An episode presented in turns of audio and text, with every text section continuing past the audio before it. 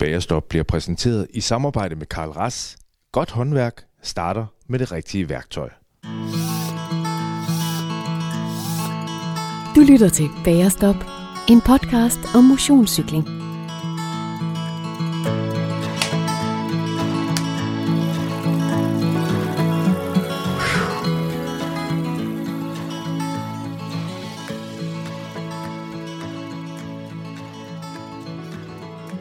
Hej og velkommen til Bagerstop. Du har trykket dig ind på en podcast, hvor både vært og gæster elsker cykling højere end en influencer elsker et selfie-kamera. En Jørgen Let elsker Frankrig, og en Peter Plys elsker honning. Det her det bliver forhåbentlig sød musik i dine ører, også selvom vi i dag bevæger os lidt væk fra landevejen og ind i en virtuel kappestrid, som mange tusind mennesker, ikke mindst os motionsryttere, kaster sig over hvert år på den her tid. For når Tour de France bliver vinket i gang af ASO-direktør Christian Prodom lige om lidt, så er der rigtig mange danskere og rigtig mange af Bagerstops lyttere, som laver et såkaldt turhold inde på en hjemmeside, der hedder hold.dk. Og når nu Bagerstops vigtigste mission, det er at hjælpe og underholde jer derude bag hørebøfferne eller højtalerne, så kan det ikke være anderledes, end at vi skal forsøge at hjælpe jer med at lave det her helt perfekte Tour de France managerhold.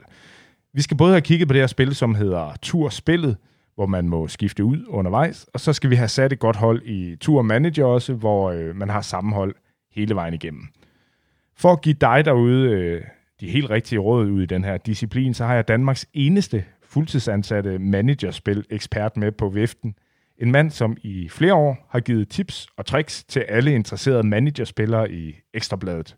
Det er også en mand, som er mere en almindelig stor cykelnørd, og som blandt andet er med til at lave en podcast, som hedder Returen, som handler om gamle Tour de France-etapper. Frederik Ingemann, det er dig, jeg har præsenteret her. Tak fordi du har lyst til at være med i Bærestop i dag. Og tak fordi jeg må være med. Det kan du tro, du må. Øh, omgivelserne, de er jo også øh, hyggelige ud over selskabet, Frederik. Øh, du er i sommerhus ved Ejstrup Strand her syd for Aarhus øh, i den her uge, og så passer det fint med, at jeg lige kunne, øh, kunne komme forbi og besøge dig. Du er jo fra, fra Sjælland. Det er, så det er, ja, det er også de helt rette rammer, synes jeg, til at snakke om noget, der, der minder om, om Tour de France. Det er faktisk i det her sommerhus, at øh, jeg så min, min første turetappe. Øh, det var, ja, nu ved jeg ikke, hvor godt lytterne, øh, at de er sgu nok også ret meget inde i detaljen, men da Ivan Barso vandt øh, til La Mongie i 2004 foran Lance Armstrong, der sad jeg i sofaen 5 meter herfra øh, og stiftede bekendtskab med Tour de France. Og det er, det er her kærligheden startede. Det er det. Det ja. er Arnestedet. Er det, øh, altså, det er særligt Tour de France, der har en plads i dit hjerte, eller er det cykelsporten generelt? Jeg synes, det er cykelsporten generelt, men det udspringer af Tour de France. Jeg tror ikke, øh, jeg tror, for de langt de fleste, så starter det nok med Tour de France. Øh, og så langsomt er der jo bare bygget på. Nu ser jeg efterhånden også alle cykelløb. Øh, men jeg synes jo også, at det hører med til mit arbejde netop i, i form af de her managerspil. Fordi der skal du jo have hver enkelt rytter helt ind under øh, neglene, for at, at det ikke bare kunne pege på, på, på Garner til en indledende enkeltstart, men måske kunne finde de her en-to rytter, der kan bejle til top 15, men som Gud og hver mand ikke har fået øje på. Mm. Jeg glæder mig, Frederik, til det her. Øh, har du også glædet dig? Eller har du frygtet det? Jamen det, er, det er altid sådan en, en ærefrygt. Øh, jeg ved jo, at dine lytter er, er meget kompetente, så jeg har da også øh, spekuleret på, om jeg kunne hvis jeg lavede en fortalelse, øh, så er jeg helt sikker på, at hammeren vil, vil falde hårdt. Ej, Men altså generelt vil jeg sige, Martin, jeg skal snakke om managerspil. Ja. Øh, og det vil jeg gøre, om der var en, en mikrofon foran mig eller ej. Så, så det, det glæder ja. jeg mig til. Ja, ja, altså din kæreste, hun, øh, hun flygtede. Øh, hun, øh, hun hører rigeligt om managerspil til dagligt. Ja, fuldstændig. Ja. Det, ja, det, det, det er ikke altid helt nemt. Men jeg vil til at sige, det er jo nemmest, når det går godt. Det, det er værre, når det ikke går, som, øh, som jeg prædiker. Ja. Hernede ved Ejstrup Strand, hvor vi er nu, det er jo en, øh, for Aarhus cykelrytter en, øh, en ganske legendarisk strækning, man har her, hvor man kører langs øh, vandet. Har du, har du selv været ude at cykle på de her veje også? Jeg har faktisk mest løbet på dem, vil jeg sige. Ja. Men øh, det gør ikke stigningerne blødere af den grund. Øh, og som sagt, jeg, jeg har brugt utrolig mange sommer i, i min barndom og ungdom øh, i det her område, og har øh, to papbrødre, der er henholdsvis et år ældre og et år yngre end mig. Øh, og vi er alle sammen lige konkurrencemindet. Så jeg har simpelthen lidt som ganske få op af de stigninger her, og det har, ja, det har også været på cykel eller i løb. Ja. Øh, så jeg, jeg synes, jeg kender øh, terrænets hårdhed ganske udmærket. Ja, det er, det er fremragende terræn. Øh, Frederik, øh, er, du, øh, er du kun til, øh, til cykling i fjernsynet nu, eller er du også øh, ligesom os andre, der godt kan lide at hoppe ud i lykretøj og, og, og køre? Jeg kan godt lide at øh, cykle, motionscykle, men øh, jeg løber mere end jeg cykler, må jeg indrømme. Okay. Men formen er god. Den, den har været bedre, vil jeg sige, øh, men den er nok ganske udmærket. Det tror jeg også. Det er vigtigt til det, vi skal her, fordi øh, det er vigtige sager. Øh, vi sidder som sagt i dit sommerhus. Solen skinner udenfor. Det er meget idyllisk. Også indenfor. Øh, det her sommerhus, det hører mig jo nærmest af, af Tour de France. Øh, emmer af, af nostalgi. Du har fundet nogle gamle magasiner, der, der understøtter den teori lidt. Ja, øh, jeg har, har haft sådan en lille tradition med, at for hver sommer, jeg har været over, har jeg ligesom efterladt det pågældende turmagasin herover. Så jeg har vel øh, ja, diverse turmagasiner helt tilbage til 2006, tror jeg, det første er fra. Således også i år. Ja. Ja, fremragende. Øh, det her, den her udgave af verdens største cykelløb, øh, Tour de France, som starter lige om snart. Hvad bliver det for en øh, omgang, tror du? Altså snakker vi i managerspil eller helt generelt? Vi snakker helt generelt. Jamen, helt generelt synes jeg, at det er den bedste turrute i i hvert fald i det her årtusind, så lang tid jeg kan huske. Øh, og det har faktisk intet med de danske etaper at gøre. Jeg synes, designet er helt fantastisk. Øh, det her med, med en indledende enkeltstart er jeg stor fortaler for. Vi har også en lang afsluttende enkeltstart i år. Det har været væk i flere år. Og så har vi jo mange af de legendariske stigninger med. Vi har Galibier, vi har Alpe d'Huez. Man øh, kunne selvfølgelig også ønske sig Mont Ventoux, men man kan jo ikke have det hvert år. Og så synes jeg også, at vi har nogle af de her øh, lidt mindre stigninger, som er meget eksplosiv, øh, eksplosiv som øh, La Planche de Belfi. Det tror jeg er min yndlingsstigning. Jeg synes altid, den leverer. Men Ja. det stigningen er også med i år. Jeg synes, at, at det er det er sådan en best of. Jeg synes næsten ikke, man kunne have håbet på mere. Det er, det er min personlige vurdering. Jeg er jo en af dem, der jublede rigtig meget, da jeg så, at der kommer brosten på menuen. Øh, også nogle ukendte brosten undervejs pavéer. Det synes jeg er spændende. Hvordan har du det med brosten i en Grand Tour? Jamen, jeg farvet, Martin, fordi at brosten i en Grand Tour er et helvede i manager-regi. Så, så, så det er jeg jo farvet af. Det er en mulighed. Jamen lige så snart de kommer med, med de der to ruter, så starter jeg jo med det samme med at tænke på, okay, hvad, hvad får det betydning for managerspillet? Og jeg har stadigvæk ikke til fulde øh, fundet nøglen til, hvordan de her brostensetapper skal, skal løses. Så det er, det er en evig udfordring. Det bliver mega spændende. Det gør det helt sikkert. Øh, Vi skal forsøge at klæde lytterne på så godt som muligt i dag, øh, så de kan give øh, vennerne, kollegerne eller familien klø i de her managerspil på hold.dk. Jeg har lavet et hold både til turspil og til turmanager, så må du lige give dit besøg med i forhold til, hvad du tænker, når du hører de her rytternavne, Frederik. Øhm, jeg håber ikke, det er helt hen i vejret, og det håber jeg heller ikke dagens kage er. Jeg har jo kage med til os selvfølgelig. Du kender jo konceptet, du har hørt øh, et par bagerstop-episoder før, og øh, jeg har fundet de største cookies, jeg nogensinde har set i mit liv, op i øh, den lokale Superbrus i Malling på vej herned. Jamen, Det, det er vanvittigt. Ja, jamen, nu skal du prøve at se her. Jeg vil sige, øh, prisen den var også hamper, hamper, hvis man tænker, det bare er en småkage, men, øh, prøv at se, Frederik. Ja, den er stor. Det er vanvittigt. Det er en det, pizza nærmest. Det er i hvert fald ikke en småkage. Nej, Hold da op, ja. Jamen, øh, jeg skulle til at sige, at jeg er jo vant til københavnske priser for bagværk, så jeg tror ikke helt, jeg kan blive lige så chokeret, men øh, de ser gode ud. er, ja, jeg, jeg tror virkelig, de er gode. Øh, og jeg tror, det er godt, du er i god form. Så øh, Der skal i hvert fald noget til at forbrænde ja. sådan en her. det tror jeg. Så øh, jeg håber, de er gode, Frederik. Dem De må vi, øh, det er godt, dem må vi have undervejs. Øh, Frederik, øh, mit bedste resultat i det her manager det, det var, da jeg kom i top 1% i Tour Manager i 2020. Hvad er dine bedste resultater i, i hold.dk sammenhæng? Jamen, det allerstørste resultat, det er jo ikke engang cykelrelateret. Det var, da jeg vandt øh, EM-manager i fjor. Det er helt sikkert det største. Men så har jeg jo også vundet øh, Vuelta-spillet, øh, managerspillet til, til Vuelta i Spanien. Øh, og så er jeg også blevet træer i, øh, i både turspillet og Gio-spillet. Jeg har også øh, ført alle tre øh, managerspil, så jeg synes efterhånden, øh, nu har jeg også spillet det i rigtig mange år, og Ja, dedikeret. det har jeg da også. Jeg har da ikke de resultater. Jamen, øh, jeg er næsten flov over, hvor lang tid jeg har brugt på det. Så jeg skulle til at sige, jeg er glad for, at jeg har fået et udbytte af de utallige timer til interesse for det. Men hvorfor pokker, øh, nu har du brugt alle de her timer, Øj, den er god, den her cookie.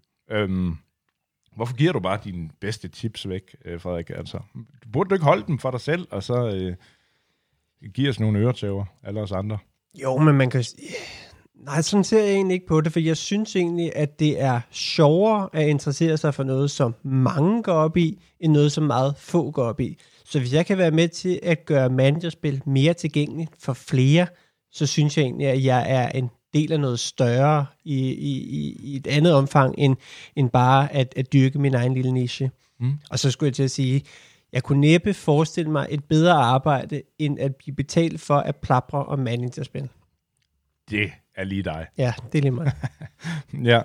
Hvornår begyndte, altså nu, nu har vi hørt lidt om, hvornår du begyndte at interessere dig for cykling, men hvornår begyndte du sådan at nørde de her managerspil for alvor? Jeg satte mit første turhold tilbage i 2005. Det var øh, den etape, øh, som det var den etape, som Peter Winning vandt foran Kløten, kan jeg huske. Øh, noget nær det, den tætteste målafslutning, øh, der har været. Og så har jeg egentlig bare bygget på. Altså i starten handlede det om at slå min, mine jævnaldrende brødre. Altså vi konkurrerede jo i alt, øh, og der var managerspil helt sikkert også en del af det. Øh, så i starten handlede det om at tæve dem og, og, og familie, og så, så bliver man jo langsomt bedre, fordi man jo, altså det var nok at slå dem, men det krævede jo også meget forberedelse, og så lige pludselig begyndte jeg at kunne begå mig i den samlede stilling, og så blev det bare lidt sjovere, lidt sjovere, lidt sjovere. Øh, så ja, det, det, der er blevet lagt på stille og roligt. Men jeg tror, som barn tror jeg aldrig nogensinde, jeg havde forestillet mig, at jeg skulle kunne være i spil til at vinde de her spil. For det virkede totalt, altså jeg kan huske dengang, tænkte jeg, at dem, der lå og vandt de her spil, de måtte næsten kende resultatet på forhånd, fordi ellers forstod jeg ikke, hvordan man kunne ramme så godt. Nej. Øh, nu sagde du, at du startede i, i 05. Hvor gammel er du i dag? Hvor, hvor gammel var du dengang, da du startede? Med lige knap 9 år. Ja. jeg er fra 1996, så, øh, så jeg startede meget, meget ung, ja. Ja, Jamen, man skal have fat i talenterne i en ung alder, hvis de skal blive rigtig gode, så øh, det er super godt. Øh, Frederik, inden vi går rigtig i gang, så, så får du lige et par øh, spørgsmål, som du skal svare på lige fra hoften. Øh, okay? Ja. Godt. Når Tour de France er slut, hvem har så vundet pointtrøjen? Det har... Må jeg lige sige en ting. Jeg synes jo, det kedeligste i verden er konsensus. Uh, så jeg ved godt, at det åbenlyse svar er Wout van Aert, men jeg synes ikke, det er så åbenlyst, så at han ikke kan slå. Så jeg siger Jasper Philipsen. Ja, der er flere muligheder, det er nemlig rigtigt. Øhm, når Tour de France er slut, hvordan ser top 3 så ud i den samlede stilling? Den hedder... Øhm, ah, igen, der udfordrer du mig jo lidt. De, ja, hvem, hvordan ser den ud? Jeg ved godt, at det er Pogacar, Roglic og Vingegaard, der kommer til at stå på båden, men i rækkefølgen, der skyder jeg på, at det hedder Roglic, Pogacar og så Vingegaard på tredjepladsen. Okay. Det er jo allerede lidt øh, anderledes, end bookmakerne ser på det. Ja. Øh, så øh, vi har lige det sidste her, det kan du måske regne ud, men når Tour de France er slut, hvem fik så? Hvem får bjergtrøjen i det her løb? Ja, det er jo det store spørgsmål. Jeg tror, det bliver øh, David Gody. Fordi øh, klassementet, det kan han ikke være med i, og så... Jamen altså, man kan sige, på, øh, bjergkonkurrencen er jo indrettet på den måde, at øh, det i høj grad gælder om at vinde bjergene uden for kategori. De giver 20 point, og, og Calweight-bjergene giver kun 10 point, så det er dobbelt op. Og det første bjerg uden for kategori melder sig først på 11. etape. Så, så der er potentiale for, at rytter kan være faldet ud af klassementet og nå at prioritere bjergetrøjen. Øh, og så er der jo heller ikke dobbelt op på, på, på målstigningerne længere. Det er jo en del af forklaringen på, hvordan Pogacar har kunne vinde den de foregående to år. Det er der okay. ikke i år. Så jeg tror, vi skal have fat i en dygtig klatrer, der i der tidligt smider klassementet, og det tror jeg kunne kunne være et, et, et, et godt bud på. Meget spændende. Meget, meget spændende. Godt, Frederik. Øh, vi tager lige en sidste dans rundt om den varme grød her, øh, for inden øh, vi får sat de her perfekte managerhold, så vil jeg lige smide en tak på størrelse med Tadej Pogacars vattal ud til alle jer, som støtter Bærestop på hjemmesiden tier.dk. Her kan man, øh, som mange af jer ved, støtte med frivillige valgfrie beløb per episode, og dermed øh, være en helt unik hjælp for podcasten her på vej ud af gruppetoen. Dig, der støtter, får til gengæld mulighed for øh, løbende at vinde fede produkter fra Fusion – som øh, laver det fedeste cykeltøj i kongeriget, du spørger mig. Fusion, de laver tøj, som holder år efter år, og øh, dermed både en gevinst for, øh, for din pengepunkt og for miljøet. Næste gang, der kan du øh, vinde et par af de helt lækre bip shorts, nemlig den model, som hedder SLI bip shorts, som er ekstra lette og hurtige, og som har en værdi af 1.500 kroner. Så øh, skynd dig ind og støt Bærestop. Det er en øh, helt uvurderlig hjælp. Frederik, i dag er du en helt uvurderlig hjælp for mig i det her drømmeholds hejs, for øh, jeg ved jo, at øh, du holdt øje med mig sidst. Der var en grand tour, hvor vi begge to havde lavet et øh, drømmehold på hold.dk øh, det, i turspil eller i Shio-spillet. Øh, jeg startede ud som lyn og torden, lå nummer 5 efter første etape, og så gik det bare ned ad bakke derfra. Jeg havde øh, etapevinderen på mit hold mange dage, øh, men jeg tror, jeg lavede alle mulige taktiske forregnelser og fejl undervejs. Jeg ved ikke, om det var mangel på fornuftig strategi, eller bare valg af de forkerte rytter, som kostede mig, men efter de 21 etapper, så var jeg nede som nummer 1698, og øh, du endte som nummer 4. Så det var noget bedre. Hvad gik galt for mig, Frederik? Åh, ja. Øh, hvad gik galt for dig, ja? Der var helt sikkert nogle strategiske ting, uden jeg nødvendigvis kan huske alt for mange specifikke events. Altså, jeg kan huske, så vidt jeg husker, køber du Jakob Moresco på, på en anden etappes enkeltstart for Ja, er her til rigtigt. tredje etape. Ja, Og der, det er et eksempel på, at du gik for langt i bestræbelsen på at spare transfergebyr. Der endte du med at kompromittere dit hold.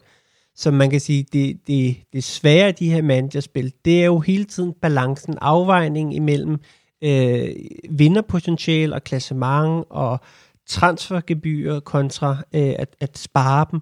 Det er den der evige balancegang, som jeg synes er det helt fantastiske ved de her managerspil. Og der var jeg da i al ydmyghed glad for, at, at, at det ikke bare lykkes, skal man sige. Nu ved jeg godt, det ikke er i første forsøg, men at det netop kunne betale sig, at, at dedikere så lang tid på det, som, som, som jeg gør. Jeg synes jo lidt, når jeg sådan øh, kigger på det udefra, øh, jeg skal ærligt erkende, at sådan det helt analytiske, det er ikke min stærke side. Øhm, jeg kigger mere på det fra dag til dag, og, og er ikke, måske ikke så god til, til det rent taktiske i forhold til det her. Så, så jeg har svært ved helt at gennemskue, hvornår det kan betale sig at kigge frem, og hvornår man bare skal kigge på dagen efter. Der er jo heller ikke nogen formel. Øh, altså for eksempel, jeg har ingen idé om, hvordan mit hold ser ud til tredje eller fjerde etape, fordi meget afhænger af, hvad der sker på den foregående etape. Øh, Mandespillet begynder jo først for alvor, når vi ligesom har et fundament, et klassement at tage udgangspunkt øh, i. Fordi første etape for eksempel, der jo, starter vi jo alle sammen for, for, for, for sådan for, for scratch. Så der har jeg jo ikke på den måde nogle forskellige tandhjul at skrue på. Der har jeg måske lidt i forhold til den transfergebyr i forhold til anden etape, men, men hele den der del, der hedder klassement, er for eksempel ude af ligningen. Øh, så, så de der genistreger, eller hvad man kan sige, det er jo sådan nogle, der opstår i løbet af spillet. Det er svært at spotte på forhånd, hvilke etaper, der bliver afgørende. Ja, okay. Hvad er det første, du gør, når du skal lave et, øh, være med i det her øh, turspil? Hvad, hvad, øhm, hvad begynder du på? Hvornår begynder arbejdet?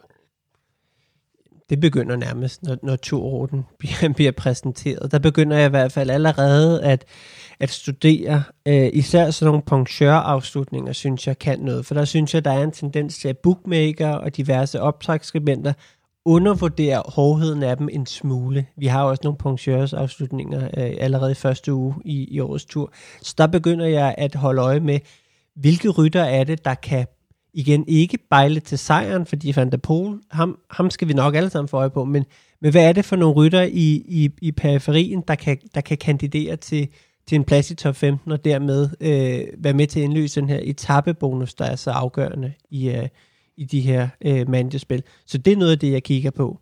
Ja. Øh, og så bruger jeg egentlig ikke så meget tid på, for eksempel når turen i år starter med en enkelt start, den bruger jeg ikke så meget tid på, fordi der har jeg næsten ikke nogen edge. Altså, det handler om at ramme de otte bedste ryttere inden for ens budget til den enkelte start. Og det er der simpelthen så mange, der er egen, øh, i egen ret er i stand til at forudsige, og øh, hvis I endelig skulle overse nogen, så er der også et hav af, af glimrende optagsskribenter og bookmaker, der nok skal ramme dem. Så der har jeg ikke rigtig nogen edge. Det er netop det der med, når man begynder at blande strategi ind i det på de senere etaper, at jeg forhåbentlig kommer til min ret. Det tror jeg, du gør. Det, er, det siger historikken, at du gør, Frederik. Øh, synes du egentlig, at det sjoveste, det er, det er turspil med udskiftninger undervejs, eller om det er uh, turmanager, hvor man ligesom sætter et fastlåst hold? Jeg synes helt sikkert, at spillet med de daglige udskiftninger, turspillet, er, er det sjoveste. Jeg synes, der er mange flere øh, skal vi sige, værktøjer i værktøjskassen øh, og, og tandhjul og skrue på.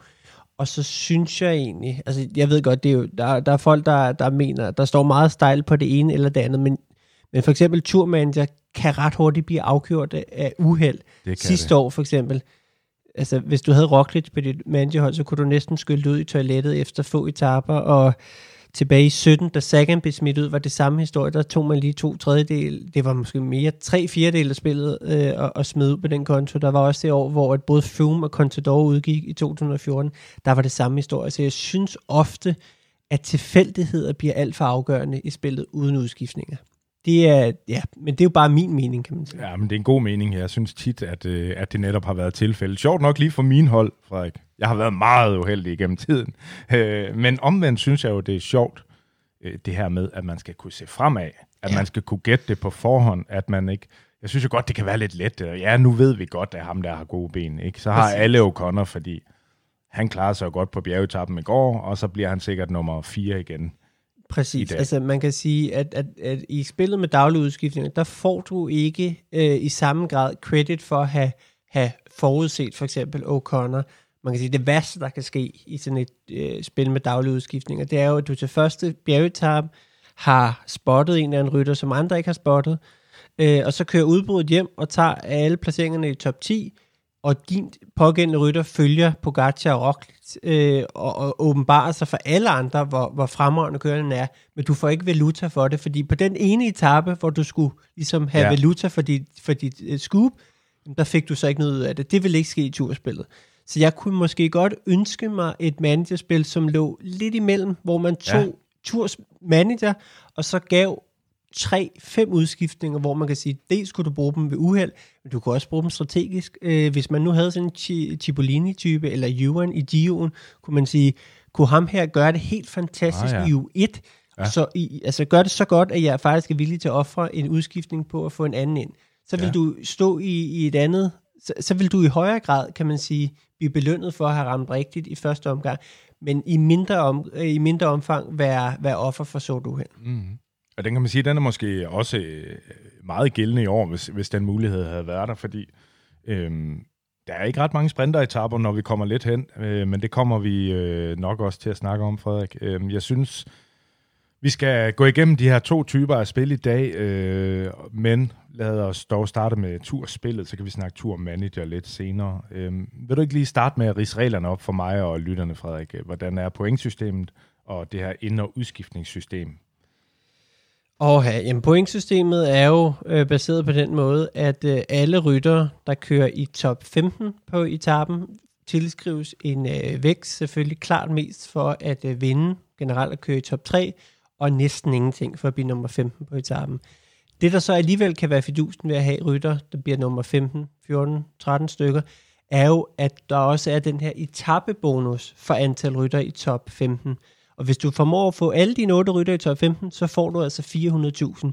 Er det meget i det her? Ja, det svarer cirka til en etappesejr. Så det er rigtig, rigtig meget. Især fordi, at, at den rytter, der ligesom udløser bonusen, er jo ofte en af en rytter til, til et minimum pris. En af anden rytter, som, som altså det er ikke engang sikkert, at man lægger mærke til. Man lægger næppe mærke til vedkommende, hvis man ikke spiller managerspil. Han bliver der bliver nummer 14-15 på etappen, for eksempel.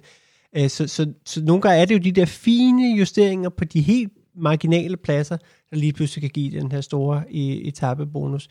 Men det er jo heller ikke, på den anden side handler spillet jo ikke kun om at ramme dem, der kører i top 15 til den pågældende etape. For der er jo også et point for, for klassement. Hele top 10 får, øh, får en lille bonus.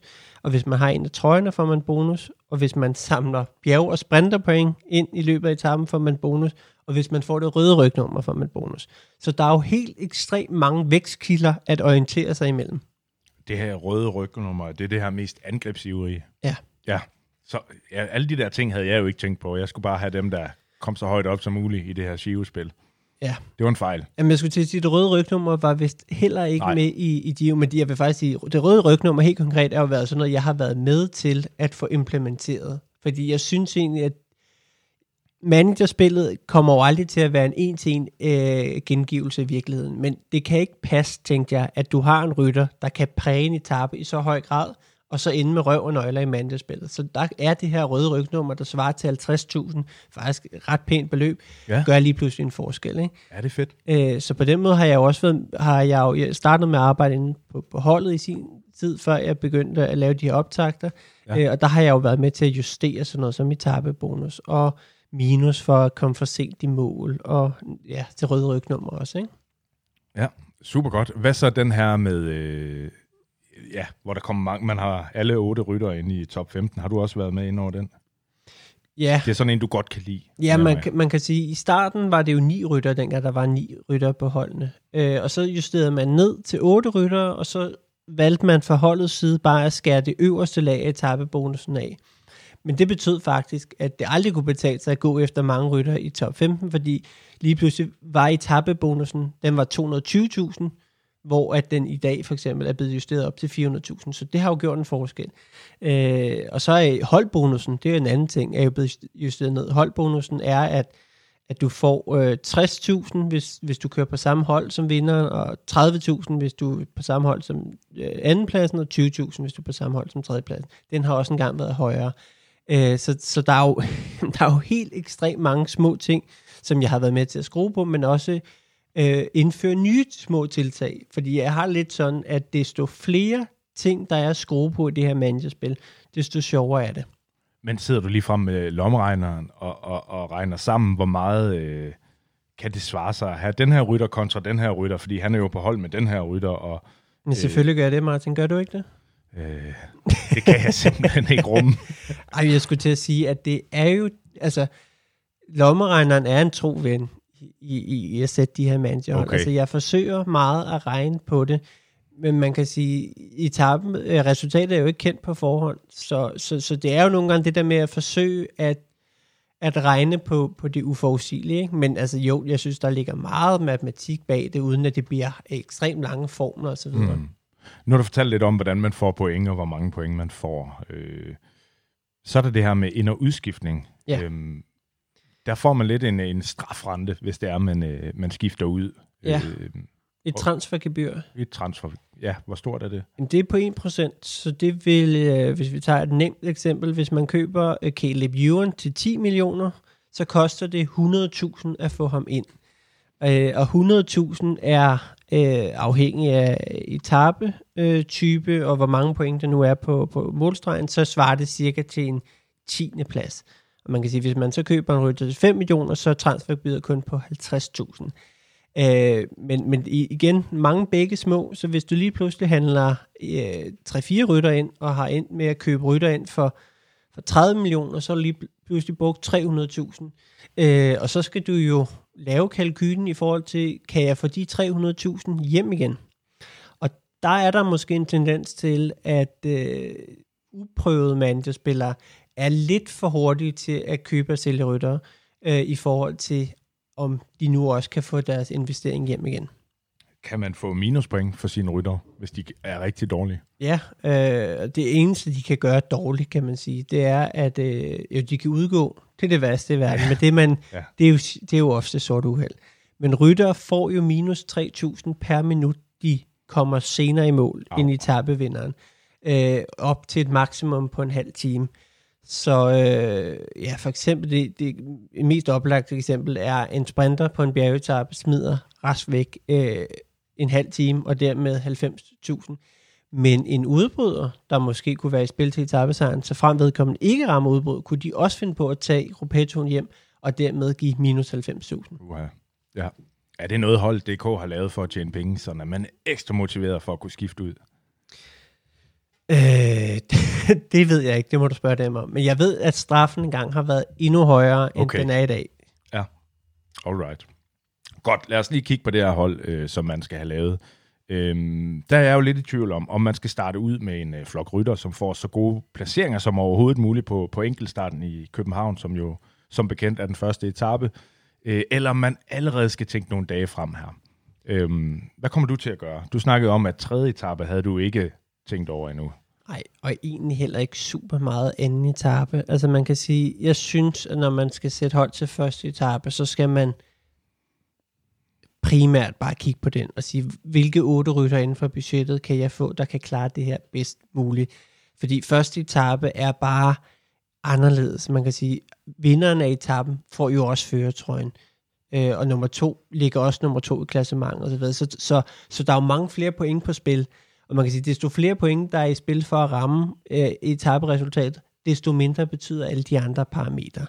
Øh, så kan man sige, så er der jo nogle ting, der kan gå hånd i hånd. Wout van Aert er jo en fremragende mand at have på enkeltstarten, men er også en fin mand at have på, på anden etape. Det samme kan man sige om, om Mads Pedersen. Øh, men, øh, men altså, jeg kommer ikke til at tage sprinter ind på, på, på mit hold til første etape, fordi så kan jeg spare transfergebyr til, til anden etape. Det gør jeg ikke. Der er vel også noget i det her med, at, at det er faktisk relativt vigtigt, at man får en god start, så man, øh, fordi så akkumulerer øh, de her, hvad rytterne er værd, så man simpelthen har flere penge at købe for. Præcis. Altså man kan sige, desto længere vi kommer i, i turen eller en anden Grand Tour, desto færre spørgsmålstegn er der. Altså når vi når tredje uge, så kender vi rytternes øh, form, kender deres niveau, og har man klaret det godt, så har man også flere penge i banken til at købe de rigtige ryttere. Så, så jo, der ligger helt sikkert noget i at få en god start. Men jeg synes også nogle gange, det bliver overgjort. Øh, for eksempel, første etape i Gio'en kom jeg ikke særlig godt fra start, og det år, jeg, jeg blev træer i, i, i turen, jeg tror, jeg lå nummer 12.000 efter første etape. Så jeg synes også nogle gange, der er en tendens til, at folk øh, opgiver mm. for hurtigt. Øh, men jo, den første uge frem til første hviledag er meget afgørende i det her managerspil. Godt. Jamen, så er det godt, jeg får en god start, eller gør Jamen, jeg? Jeg skulle til at sige, Martin, den gode start, altså ja. hvis du kan gøre, hvad du gjorde i Gio'en, ja. så behøver du ikke mig, fordi der skal du bare gøre præcis det samme. Det var fuldstændig eminent. Ja. Så kan jeg tage over, når vi når til... Ja, så pisser jeg det væk derefter. det er problem, det er problem med mig, Frederik. Øhm, vi skal have otte ryttere på det her hold i turspillet. Øh, jeg vil lige prøve at fortælle, hvem jeg har smidt ind i startopstillingen her inden øh, enkeltstarten i København. Og så, øh, så kan du lige vurdere det. Øh, jeg har taget følgende. Er du klar? Ja. Tempofænomenet Filippo Ganna. Cancellara Light-typen Stefan Bisecker. Schweizer Tonson Stefan Køng. Maskinen Wout van Aert.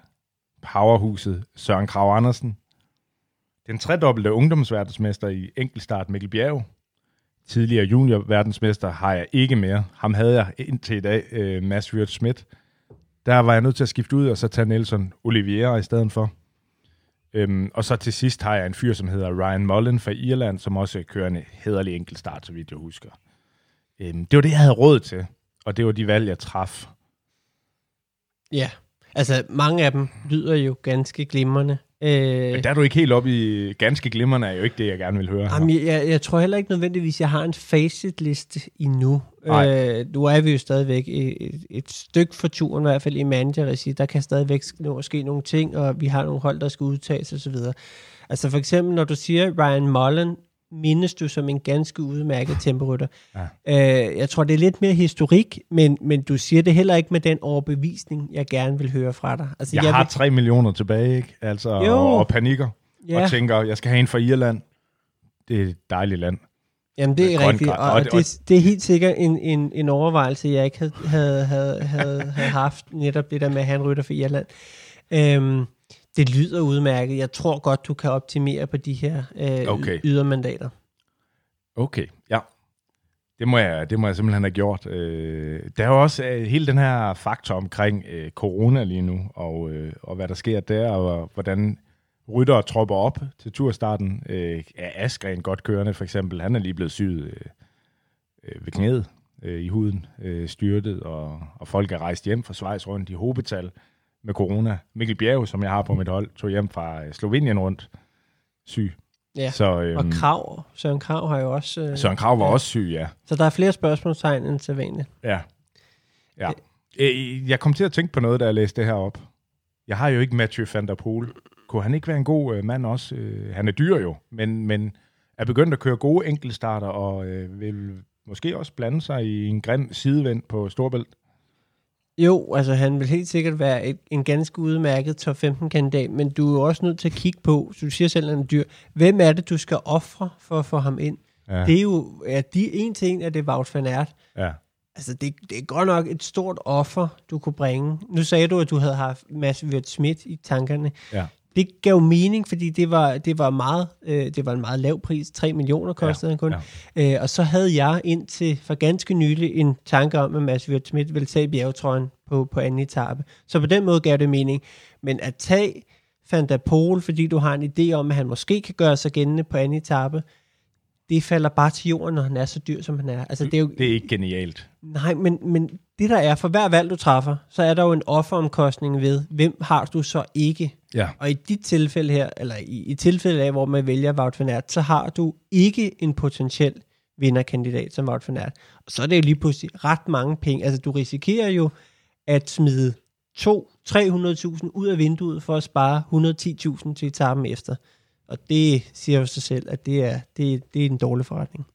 Måske er du faktisk også bedre til privatøkonomi, end jeg er, Frederik. Det, det har jeg en fornemmelse af lige pt.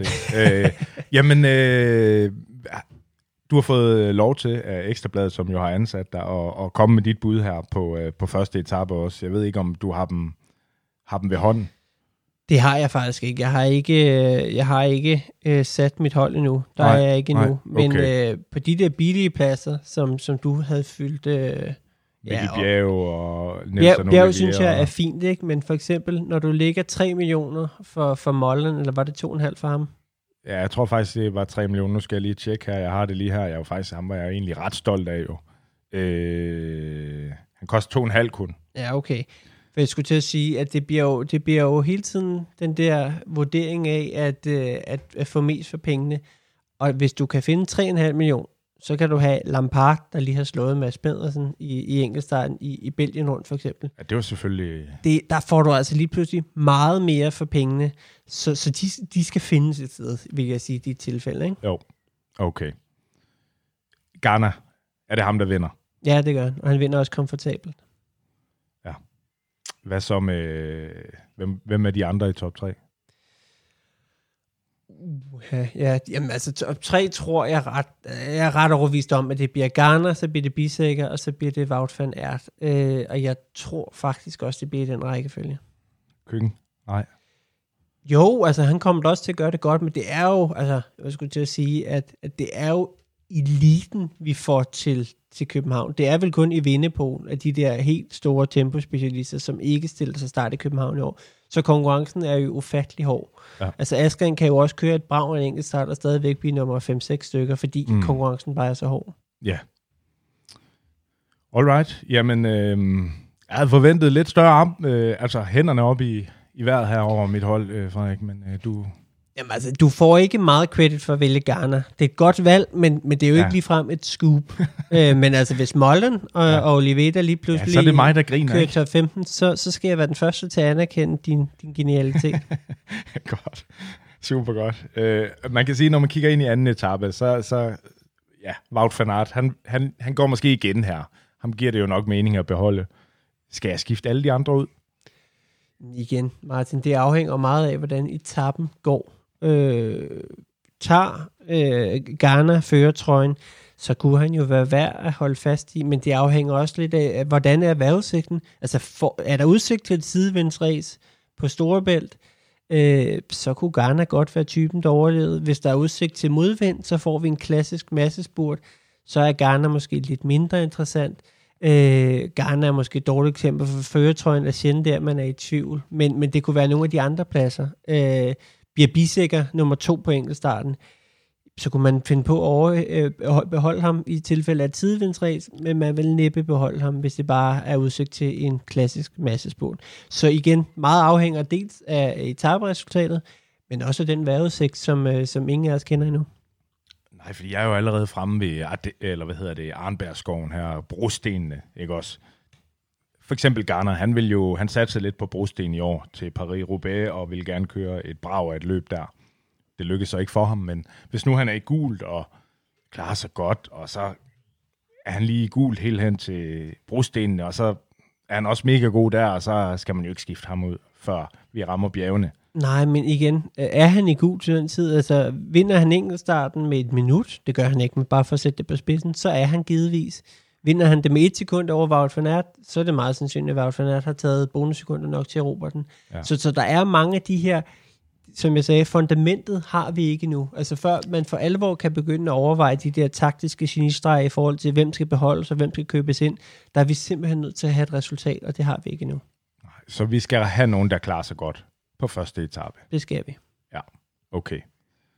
Og så vil jeg sige, sige at, at man kan godt prøve at planlægge langt ud i, i tiden, men, men det hele står og falder jo med, at det går, som man forventer på første etape. Fordi hvis det ikke går, så kan man sige, så er alle mellemregningerne derfra gale. Ikke?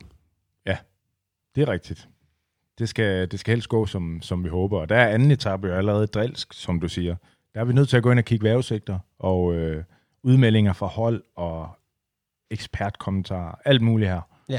Og det kommer jeg jo også til, øh, 100%. Ikke? Altså man kan sige, det man kunne forestille sig, det er, at Wout van Aert kører en rigtig, rigtig god enkeltstart. Det kan være, sågar at han vinder den. Øh, så starter han jo i mandespil allerede med et forspring i den forstand, at hvis han nu har føretrøjen, øh, så starter han jo med 125.000 på kistebunden i forvejen.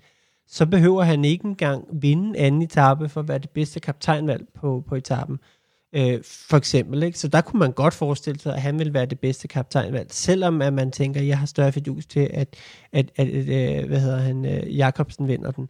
Øh, så det, det er sådan nogle ting. Men igen, kører han ikke en særlig god enkeltstart, Aert, så er der måske andre bedre kaptajnvalg. Øh, så, så den er lidt svær at spå om igen.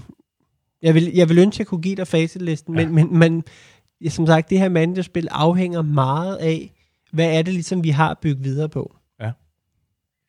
Ja, og det, vi må have noget godt at bygge videre på her.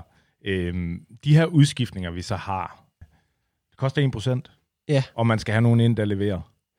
Det skal man. Altså man kan sige, at transfergebyret øh, er en mindre problem på sprinteretapper, hvor at de er præget af relativt stor forudsigelighed, øh, end det er, øh, man kan sige, at der er de mere, der er de mindre et issue, hvorimod at til udbrudsetapper, hvor at det er sværere at spå om resultatet, der gør transfergebyrene ofte mere ondt, fordi vi ikke kan være sikre på at få pengene hjem igen. Mm. Så, så, så ja, altså der er jo ikke én tommelfingerregel om, hvorvidt, for eksempel, det, det er sådan et spørgsmål, jeg får tit, ja. er 300.000 i transfergebyr meget? Øh, det, gør, det afhænger af, hvilken etape vi har, og, og hvilken etape vi kommer fra, men også, hvor forudsigelig er den etape, vi går ind til. Ikke? Og for, øh, som sagt, sprinteretapperne er relativt forudsigelige. Det kan godt være, at vi ikke kan forudsige vinderen, men, men det der er, det er, hvis vores sprinter, øh, hvis, mindre han ligefrem styrter og er uheldig, hvis han ikke vinder, så bliver han nummer to eller tre. Så, så er det marginalerne, hvorimod man kan sige, at hvis Thomas de Gent ikke vinder etappen, så kommer han med gruppettoen hjem. Det er en meget, meget større spænd, ikke? Det er rigtigt. Okay, jamen øh, vi er nødt til at vide noget om det her. Øh, simpelthen. Lad os, lige, øh, lad os lige alligevel, du bliver tvunget til det her, Frederik. Jeg synes, vi skal lege med tanken om allerede nu, hvem vi vil skifte ind til anden etape. Øh, jeg ved godt, at, at vind og det ene og det andet og det tredje, men øh, vi har de her 50 fiktive millioner til rådighed, og øh, måske har vi været så heldige, at vores rytter er steget lidt i værdi, så vi har råd til nogle andre gode rytter. Øh, prøv lige at hjælpe os lidt her. Anden etape. Jamen altså, jeg synes også, det er svært, Martin.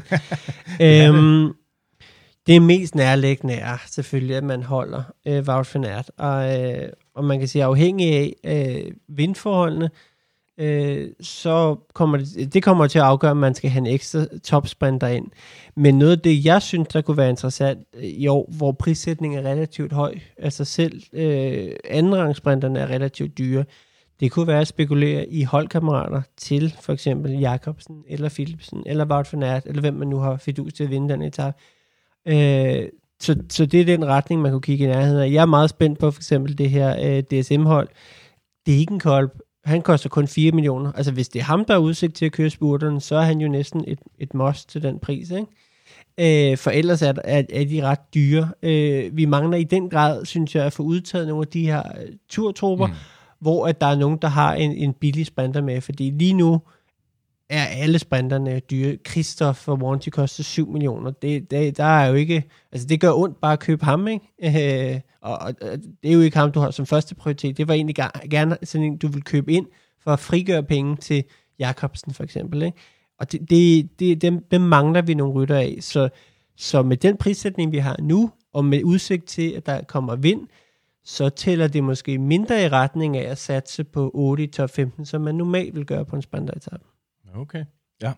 Vil du gå med nogle lead-out-folk i det tilfælde, at, øh, at du ikke har råd til alle de sprinter? Ja, det er jo det mest nærliggende. Hvis man skal købe en holdkammerat, så er en, en lead-out-rytter et, et godt eksempel. Og ja, vi havde jo Mørkøv sidste år, der øh, var det to år eller tre, at han også blev på en etape. Han er jo selvfølgelig det bedste eksempel. Han er ikke bare verdens bedste lead-out-mand, han er også verdens bedste lead-out-mand i et manager-perspektiv.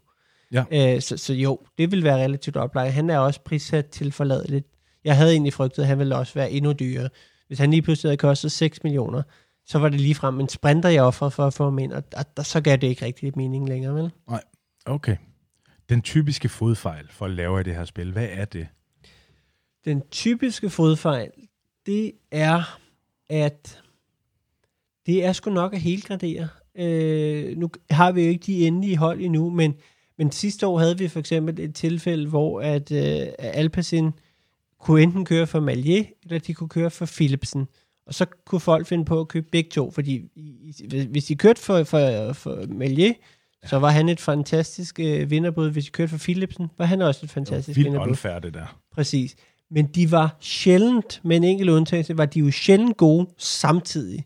Og når de ikke var gode samtidig, så gav du faktisk afkald på den der helt store etappebonus. Så det er måske den klassiske fodfejl. Okay, godt. Den prøver vi at undgå den her gang.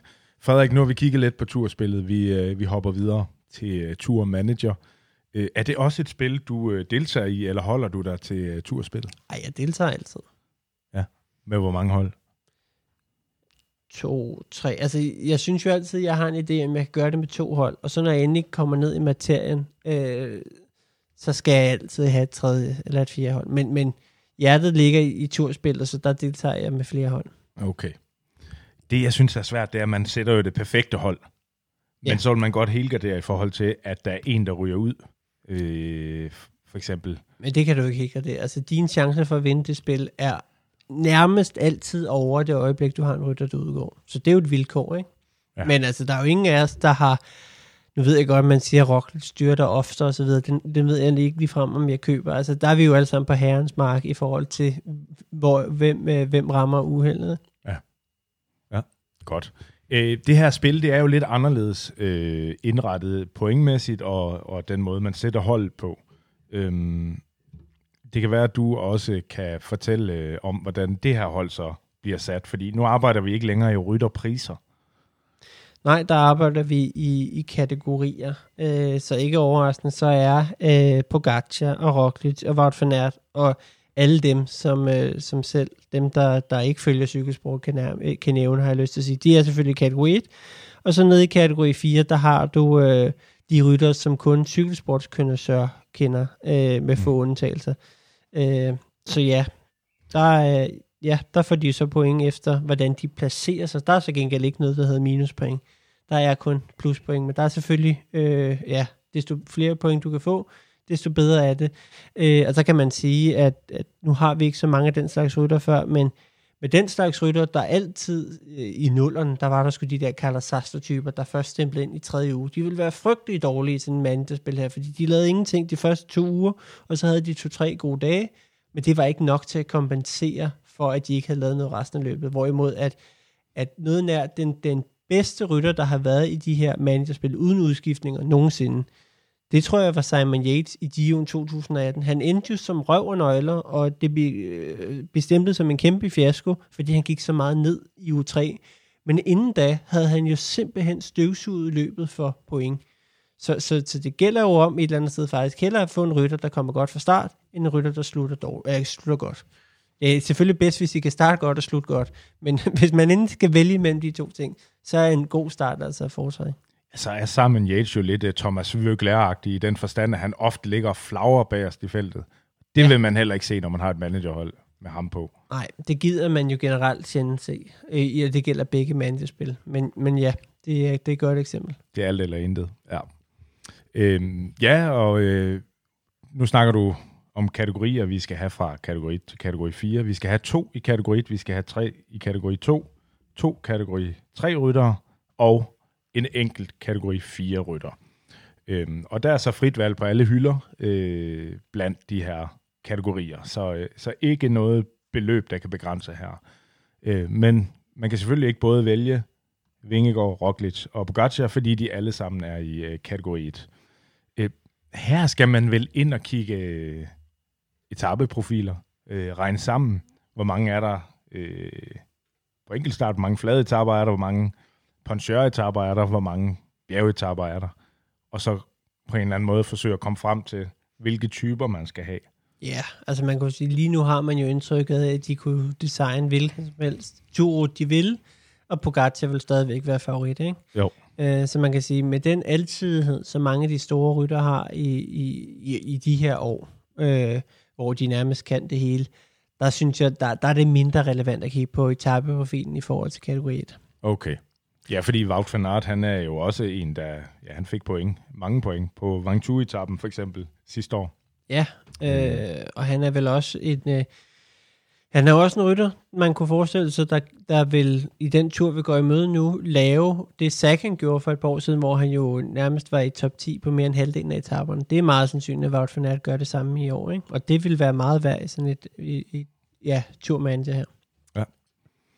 Øh, jeg har prøvet at, at tælle lidt sammen i forhold til etaperne. Det ser ud til, at der er syv flade etapper, øh, seks kuperede etapper og seks bjergetapper, og herudover to tidskørsler. Øh, og så tror jeg, jeg har hørt, at der er syv øh, uphill finishes i træk, altså syv øh, etapper, som slutter opad. Ja, Øh, det, det tror det er jeg... voldsomt. Ja, jamen det er voldsomt. Det tror jeg ikke engang, vi har set i Vueltaen jo. Nej, det er helt vildt. Nej. Så det er ret vildt for turen. Øhm, I forhold til betydningen i managerspillet, er det jo ikke sikkert, at det er så afgørende, fordi det øjeblik, et udbrud kører hjem, så er der jo kun øh, resterne for de rige spor tilbage at slås om. Øh, så jeg, jeg tror ikke, at jeg vil ikke lægge alt for meget i, at der er de der mange afslutninger opad, fordi favoritterne kører næppe om det alle dagene. Nej. Jeg har også lavet et hold her, og der håber jeg naturligvis på øh, lidt større øh, jubelscene over for din side, når jeg læser det op for dig. Øh, men øh, det finder vi ud af nu. Øh, et fremragende hold, hvis jeg selv skal sige det. Jeg er nødt til at lige bearbejde dig lidt, inden du hører navnene. 100-års talentet Tadej Pogacar. Multitalentet Wout van Aert. De to er kategori 1-ryttere. Så har jeg Mads Petersen, Enrik Mas og Ben O'Connor i kategori 2. Så har jeg snuppet Rafael Maika og Esteban Chavez i kategori 3, og endelig Michael Storer i kategori 4. Det lyder faktisk rigtig, rigtig godt. Sådan der. Der er bare lige et men. Nå. Hvorfor har du valgt Maika? Må jeg spørge om det? Jamen, så du ikke, hvordan han holdt i hånd med øh, Pogacar her i Slovenien rundt? Jo, Slovenien rundt Og var fuldstændig lige så god som Pogacar. Og så er han kategori 3-rytter. Ja, men, men igen... Jeg bryder mig ikke om dit ansigtsudtryk. Nej, men, men det er jo det der med, at han får, han får ikke frihed. Altså, der er ingen frihed til Maika. Jeg tvivler på, at de er så gode, at, at Pogacar ligefrem kan forære etappesejre til Maika Han er flink fyr, Mike. Jamen, det er han givetvis. Øh, Og de år, han kørte efter bjergetrøjen, var han også fremragende at have det her mandespil. Men jeg synes, du burde kigge efter en rytter, der kunne køre sin egen chance, frem for en ren hjælperytter. Okay. Du tror ikke på, at de... Fordi det var lidt det, jeg sad og tænkte, hey, måske laver de en Roglic Vingegaard, de her to. At de også gerne vil kunne spille Maika ud, og så drille Jumbo lidt den anden vej. Jamen, ja, det handler om feltet. Altså Martin, vi kunne også gå ud her og give hinanden i en eller anden skiltespurt, men hvis der ikke er nogen konkurrenter, så er det jo knap så imponerende, som det er at gøre det i Dauphiné. Ja, du, altså, det du siger, det er, at Maika er ikke lige så god som Vingegaard. Det er det, jeg hører dig Nej, sige. ikke i nærheden. Det tror jeg simpelthen ikke. Nej, okay. Men ellers, Ellers var det godt. Rigtig, ja. rigtig flot. okay, det er godt.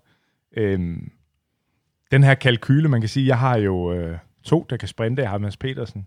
Jeg har Wout van Aert, som, øh, som har fart i stængerne. Jeg har jo en lille idé om, at Mads P. han godt kunne rette sit fokus mod den grønne trøje.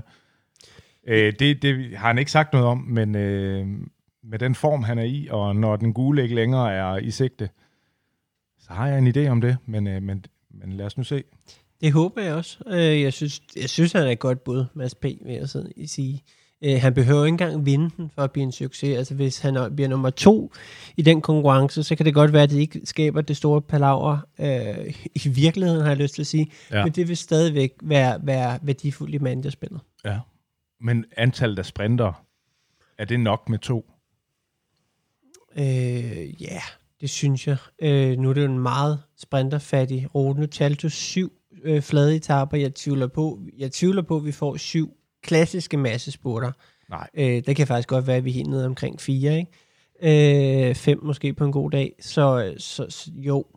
Altså, jeg synes, det er svært at sige helt præcis, hvor mange sprinter man skal have, og hvor mange bjergrytter, for det handler igen om, hvad er det så, du giver afkald på. Og jeg synes jo ikke, det er nogle store klatre, du giver afkald på, for for eksempel at have Mads Pedersen. Hvis du havde Vingegaard i kategori 2, og du havde valgt Mads Pedersen i stedet for, så havde jeg nok været mere tvivlende, ikke? Jo, for der, du, der, der havde du en formodning om, at Vingegaard ville, ville banke flere point ind. Præcis, ikke? Altså sidste år for eksempel, der, der lå Vingegaard i kategori 4. Nu ved jeg godt, han fik et meget bedre Tour de France, end nogen af jer skulle have Var han forestillet. kategori 4 sidste Ja, år? det var han. Øh, og jeg kan love dig for, at hvis man ikke havde ham i kategori 4, så var det ret hurtigt game over, ikke? Jo. Øhm, så kan man sige, så der vil dit valg af Storer have været mindre godt, fordi jeg skulle til at sige, jo, Storer er et godt bud, men du overser, altså du går glip af Vingegaard. Det er der jo ikke på samme måde i år. Så, så på den måde er det svært at lave sådan nogle ekstrablad elsker det også, og holdet elsker det der, hvis jeg bare kan sige en tommelfingerregel med, at sådan er det hver gang. Du skal altid have to Ja. sprinter videre. Men det kan man simpelthen ikke. Det er mere komplekst end det. Det, er- det er jeg ærgerlig over. Jeg havde virkelig håbet at, at få den der formel. Ej, det er klart. Det, det afhænger jo af, hvor mange point de laver. Øhm, tit så skal man også være heldig lige at få den her famøse bjergetrøje, som kontinuerligt kan give mange point til øh, billige rytter, øh, eller kategori 4 rytter, hvis man er heldig. Vøgler havde den. Øh, han kom også i gul øh, i et år, hvor han havde den rigtig længe, den gule trøje. Øh, hvor efter alle to om året efter, han lå og flagrede 20 meter bag feltet hele tiden og råbte af folk, i stedet for at lave point til mit hold. Jamen, han, ah, havde, du, så havde du ham i 2012, kan jeg høre. Der vandt han trods alt to etaper og vandt bjergetrøjen, så han har ikke været så dårlig. Det har nok været året efter, så. I 13 var han nok ikke meget værd, nej. Øh, så, øh, så nej, man skal være lidt heldig også, og, og, og prøve at, at ramme de der. Vi har lige haft en Gio, hvor at, øh, at, at Lopez var kategori 4 og greb øh, øh, den lyserøde trøje i, jeg ved ikke engang, hvor mange dage. Det var vel et tocifret antal dage. Jamen altså, der er igen, hvis du ikke havde ham, Nej. så var det sgu ligegyldigt. Jeg havde regnet Tata med selv. Det var et godt valg, ja, han men det var flot. ikke et godt valg, når konkurrenterne havde Lopez lige pludselig. Ikke? Øh, og man kan sige, det er jo svært at forudsige, hvem er det lige præcis, der, der rammer sit gennembrud og så videre. Men, men jo, det er jo afgørende. Og i 2020, der havde vi jo Kostne Fra, der simpelthen kørte i den bjergetrøje i, jeg har lyst til at sige to uger, uden jeg kan huske præcis, hvor mange dage han kørte i den. Og han havde egentlig generelt et dårligt Tour de France, men fordi han bare kørte den bjergetrøje så mange dage, og der var den der dag, hvor at, at Palace tog den, men så udgik på etappen, så Kostne Fra fik lov at beholde den. Fordi han bare havde den bjergetrøje så mange dage, så var han fuldstændig uovertruffen i det her managerspil, hvorimod at, jeg tror, at den generelle holdning var, at han kørte et Tour de France under niveau. Ja. Men det er jo svært at spå om, hvem er det, der... Nogle gange er det jo også lidt tilfældigt. Hvem er det, der ender med at få den her bjergetrøje, og så gå lidt efter den, og kunne forsvare den relativt ja. længe, ikke? Øh, man kan sige, på de første... øh, På de første seks etaper er der jo ikke meget mere end 13-14 bjergpoint. Så øh, hvis man gør rent bord i Danmark og tager de 6 point, der er i alt, så kan man lige pludselig få en, en uge i prikker, som Mørkø havde for 10 år siden. Og det vil være meget værd i det her mandespil, men det er lidt svært at vide, hvem der tilfældigvis lykkes med at få den bjergetrøje i Danmark. For det er jo ikke, det er næppe Gody, som, som hiver den bjergetrøje på dansk grund, for eksempel. Kunne måske være en dansker. De er nok meget udbrudsivrige her. Øh, Ja, men, jord. ja. Men, men igen, jeg tror sgu ikke en franskmand vil afstå for at tage bjergetrøjen, bare fordi at han kører på dansk grund. Nej, det, det, det tvivler jeg på. Det ville være skønt, hvis det var sådan, Ja. men øh, med den der med, med motivation, øh, som, som jeg har hørt mange gange, altså ja, det er sgu også meget rart, men altså, hvem er ikke motiveret, når de kører Tour de France? Det er også rigtigt. Det er da utroligt, som du er djævelens advokat, når jeg lige kommer med alle guldkorn jeg, ved, herfra. jeg, jeg ved godt, jeg er røvsyg på den måde. Nej, det synes jeg bestemt ikke, du er. Prøv lige, øh, jamen, så må vi udfordre dig lidt her. Prøv lige at komme med top 5 i pointstillingen blandt rytterne, når Tour de France er slut. Hvilke fem rytter har lavet flest point? I, uh, i Geo Manager, Ja, eller hvad hedder ikke i Geo, Manager. i Tour Manager. Jamen det har, øh, det har sandsynligt, nu skal jeg lige se, hvem der er i kategori 1, for jeg har lyst til at sige, at de alle sammen er der. Det vil ikke undre mig. Pogacar, Roglic, Wout van Aert har lavet mange point. Øh, og så har, øh, det har jeg jo ikke tænkt Michael over. Storer. Ej, det har, jamen, så har han haft, en- hvis han laver alle, hvad han gør i Weltagen i fjor, så er han deroppe af, men han kan nok stadigvæk ikke konkurrere. Øh, hvem kunne være? Mads Pedersen kunne faktisk godt være deroppe, hvis han kommer godt fra start på dansk grund. Det er Ben O'Connor, hvis han kører som i Dauphiné, kunne også godt være godt deroppe af. Øh, jeg har egentlig ikke tænkt super meget over, hvem der kommer i top 5 i... Der er også Fabio Jacobsen, der er øh, Caleb Ewan. Ja. Øhm, Jamen altså, man kan sige, Fabio Jacobsen er jo et godt bud. Øh, hvis han gør rent bord i de rene sprinteretapper, så kan han jo faktisk godt vinde den grønne trøje. Øh, men man kan også nemt stå i et scenarie, hvor at de eneste dage, han kun har fire dage, hvor han er i top 100. Og fordi resten af dagene bliver kørt for hårdt, ikke? Og hvis du kun har 4 ud af 21 dage, hvor du gør dig gældende, så bliver du næppe, har jeg lyst til at sige, medmindre du som sagt vinder alle de etaper og kører i grøn trøje, så bliver du næppe et godt valg. Okay, super godt. Jamen, øh, hvor stor en del af det her er held? Altså, øh, jeg var lige inde og kigge øh, på nogle statistikker, og det så ud til, at det er helt op imod 20 procent af rytterne, som typisk udgår af Tour de France i løbet af, af de her tre uger. Er det ren held?